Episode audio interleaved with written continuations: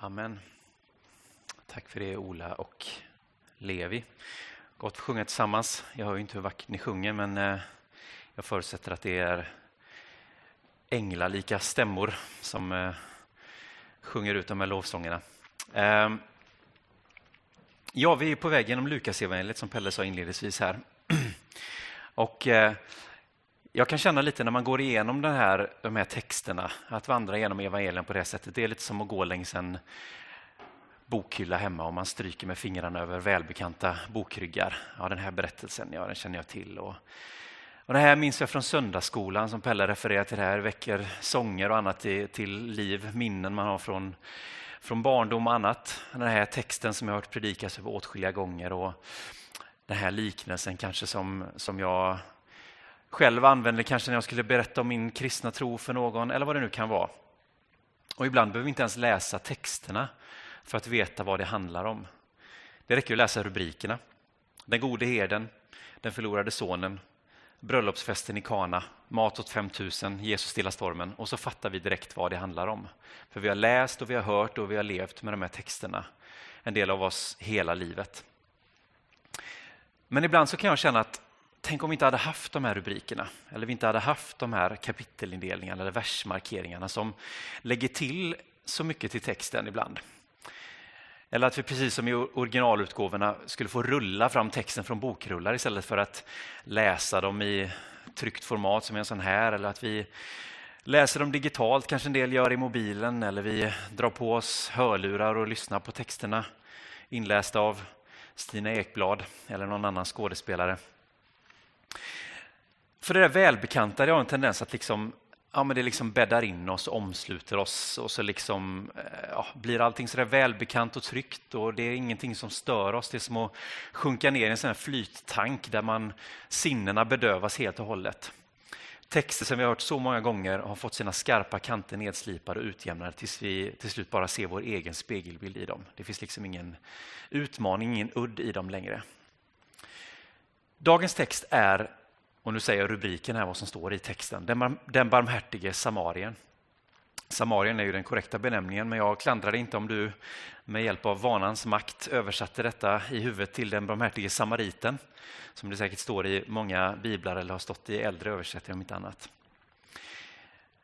Och det är ju fine sådär. Jag menar, det är ju, rubriker är inga konstigheter så sätt, men rubriken har ju kanske en tendens ibland att styra vår läsning av en text och även denna texten. Vi tar liksom med oss en förförståelse redan från början in i läsningen. Jag säger inte att det är omöjligt, men jag är ganska säker på att om du till exempel skulle börja en liten rundvandring i ditt hem. Ehm, du kanske är på väg någonstans, du går från ditt sovrum till köket eller från köket till vardagsrummet. Då är det inte så att du plötsligt blir varse en massa nya detaljer varje gång du går från punkt A till punkt B i ditt hem, som inte du lagt märke till tidigare. Att plötsligt så stannar du upp och förundras över oj, vilka vackra ådringar det är i bordsskivan här, eller oj, vilka fina mönster i den här tapeten. Eller liksom, oj, titta nu när solen lyser in genom vardagsrumsfönstret och spegla, spelar lite i reflektionen i den här tavlan där. Utan det där har vi liksom bara, vi filtrerar bort det. Vi ska från punkt A till punkt B och det är, liksom, vi stannar inte upp. Vanans makt är som sagt stark. Och Den här texten, den barmhärtige samarien, den kan vara lite som att vandra genom ett välbekant rum. Vi lägger inte märke till detaljerna utan vi går igenom och vi vet var, som, var saker och ting ligger någonstans. Ja, det handlar ju om en samarie som är barmhärtig. Och vi läser den här texten och vi förstår att ja, men det handlar om hur vi ska bete oss. Vi ska, vi ska visa barmhärtighet mot behövande. Det är ju det det handlar om, eller hur? Fast är det verkligen så? Så är det ju förstås, men det finns ju så mycket mer.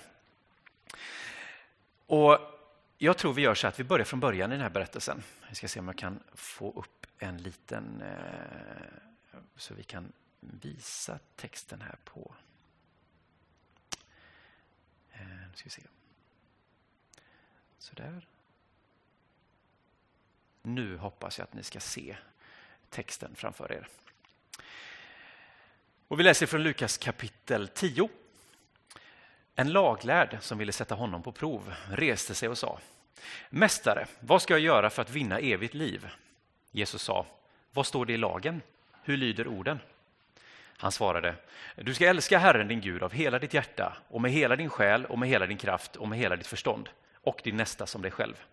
Jesus sa, det är rätt. Gör det så får du leva. För att visa att han var rättfärdig sa mannen till Jesus. Och vem är min nästa? På den frågan svarade Jesus. En man var på väg från Jerusalem ner till Jeriko och blev överfallen av rövare. De slet av honom kläderna och misshandlade honom och sen försvann de och lät honom ligga där, halvdöd. En präst råkade komma samma väg och när han såg mannen vek han åt sidan och gick förbi. På samma sätt med en levit som kom till platsen. När han såg honom vek han åt sidan och gick förbi. Men en samarier som var på resa kom och fick se honom ligga där och han fylldes av medlidande. Han gick fram och hällde olja och vin på såren och förband dem.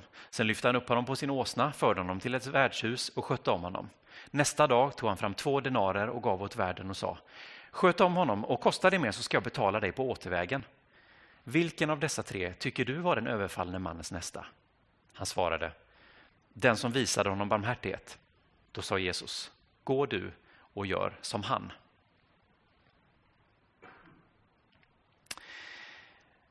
Ja, som vanligt när människor kommer och ställer frågor till Jesus så kommer Jesus inte med de självklara enkla svaren.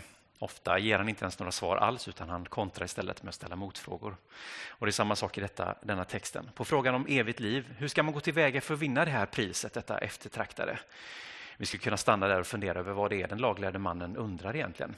Vad är evigt liv? Och Det är lätt att vi läser den här texten och läser de här orden med våra västerländska av tradition och erfarenhet färgade glasögon med en horisont som inte sträcker sig särskilt långt. Vad betyder egentligen evigt liv för en laglydig jude under tiden för det andra templet i Jerusalem? Jag ska inte svara på den frågan ingående, men jag ger en liten ledtråd. Det betyder inte nödvändigtvis himlen eller ett liv efter döden, utan evigt liv. Det handlar om Eh, ett, ett liv eh, fyllt till, till bredden av rikedom. Det som Jesus pratar om, han pratar om, om Gudsriket, om det eviga, de eviga värdena. Att Guds närvaro och Guds vilja får ske. Det här fantastiska eviga livet, livet med stort L kanske vi skulle kalla det. Det är vad den här mannen efterfrågar. Hur ska jag leva det här goda livet? Hur ska jag få tag på det? Vad är det jag behöver göra? Vi går tillbaka till det här samtalet. Ja, säger Jesus. Vad säger lagen? Svarar Jesus med en fråga. Klassiskt Jesus-move.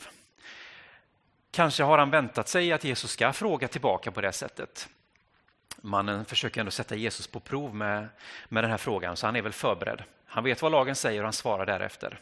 Älska Herren din Gud av hela ditt hjärta och med hela din själ och med hela din kraft och med hela ditt förstånd och din nästa som dig själv.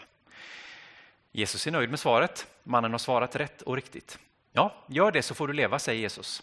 Och här skulle det kunna slutat, eller hur? Alla kunde varit nöjda och glada med detta utbytet och mannen fick visa att han, ja, han kunde minsann lagen och Jesus bestod provet. Men berättelsen är ju inte klar där. Något mer händer som får Jesus att börja berätta den här liknelsen om den barmhärtige samarien. Och här är det lite spännande att titta lite på motivationen bakom det vi läser, det som händer och det som uttalas i texten. Det som sägs är ju inte alltid det som vi faktiskt läser, eller hur? Ord kan ju ha olika betydelser beroende på hur de sägs, hur de betonas, i vilket sammanhang de sägs, kroppsspråk och så vidare. Orden ”Vad har du varit?” som man ställer till någon som har varit ute och rest, det uttrycker ju intresse och nyfikenhet. Samma ord ställa till en tonåring som kommer hem halv tre en vardagskväll uttrycker någonting helt annat, eller hur? Vad har du varit? Samma ord, olika betoning, helt olika betydelser. När vi läser en text så är den ju aldrig riktigt fullbordad förrän vi läser den, förrän vi förstår den, förrän vi tolkar den. Det är som ett samtal som aldrig riktigt har fått sin, sin fullkomning och blivit avslutad. Vi har inte möjligheten att som i ett samtal med en annan part ställa motfrågan, var det så här du menade eller har jag fattat det här rätt? Utan vi får lägga samman det som vi ser i texten, det som ligger bakom texten och vår egen tolkning eh, när vi läser. Men vi har några små krokar här i läsningen som, som vi kan plocka och hänga upp vår tolkning på. Det första är den här laglärde mannens syfte. Han vill sätta Jesus på prov, står det. Det är det första vi läser i texten. Vi kan dra slutsatsen att han i första hand inte är genuint intresserad av att faktiskt lära sig någonting. Han är inte nyfiken. Han vill att Jesus ska svara fel, han vill att Jesus ska göra bort sig. Kanske är det därför han inte nöjer sig när Jesus har rätt, utan han pressar frågan lite längre.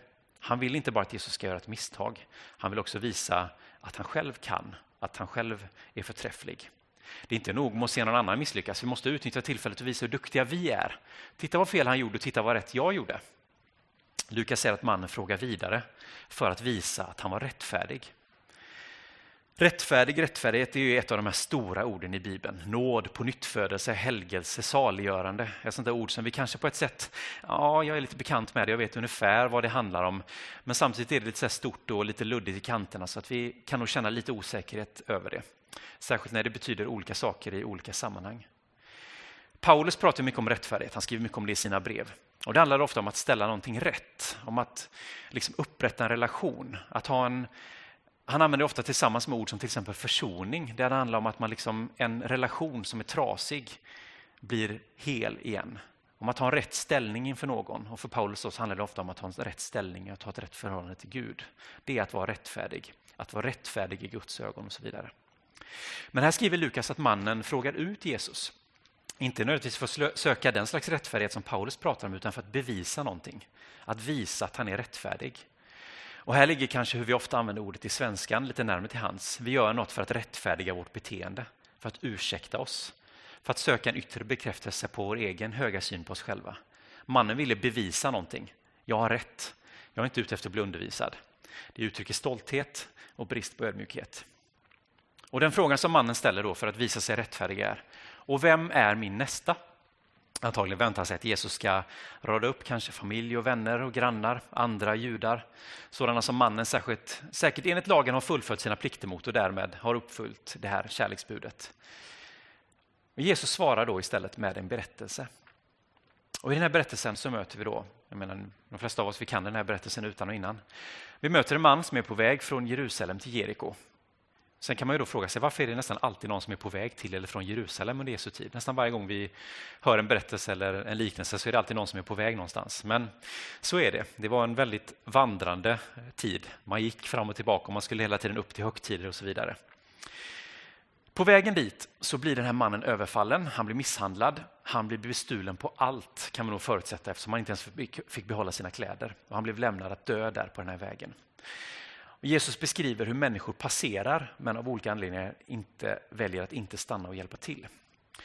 Och Det hör ju till saken att vara gästfri mot resenärer är ju någonting som hör till kulturen vid det här laget. Man hjälper varandra om man är på vägen. Liksom, är det någon, passerar du förbi någon som behöver hjälp så, så stannar du. Det är inte som i vår tid där man eh, bara liksom låtsas som ingenting eller man tar upp sin kamera och filmar det istället. Oj, där är någon som har krockat. Det tar vi kort på. Ehm, och lägger ut. Det är ett eh, strikt modernt fenomen, utan på den här tiden så förväntas det att du stannar och hjälper till.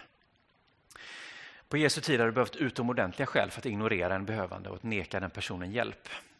Och Dessutom är det så att när vi läser att det här är vägen mellan Jerusalem och Jeriko så tänker vi oj, ja men en väg, ja men vi tänker undrar hur många filer det är i varje körriktning. Nej, det här är ju liksom en klippig, bergig stig fullt med stenar eh, och ganska smalt snarare än en väg. Eh, det är inte som när du och jag föreställer oss en bil på motorvägen som står med varningsblinkers på i motsatt körfält och tänker åh, jag skulle ju ha kunnat hjälpa till men nu måste jag hitta en avfart först och så köra runt och så åh, komma över på andra sidan och så vidare. Och vi har jättelätt att hitta ursäkter för att inte hjälpa till. Men för att gå förbi den här döende mannen på vägen så måste man verkligen aktivt kliva åt sidan för att inte trampa på honom. Så den här prästen och den här leviten som går förbi, de gör sig verkligen, de anstränger sig för att låta bli att hjälpa till. Och det här är ju en krydda i berättelsen, verkligen. Antagligen för att driva hem berättelsens poäng med smärtsam tydlighet. Så att de här två första personerna som passerar förbi, det är ju en, som sagt en präst och en levit. Dåtidens andliga superhjältar, det är de som ska ha stått närmast Gud.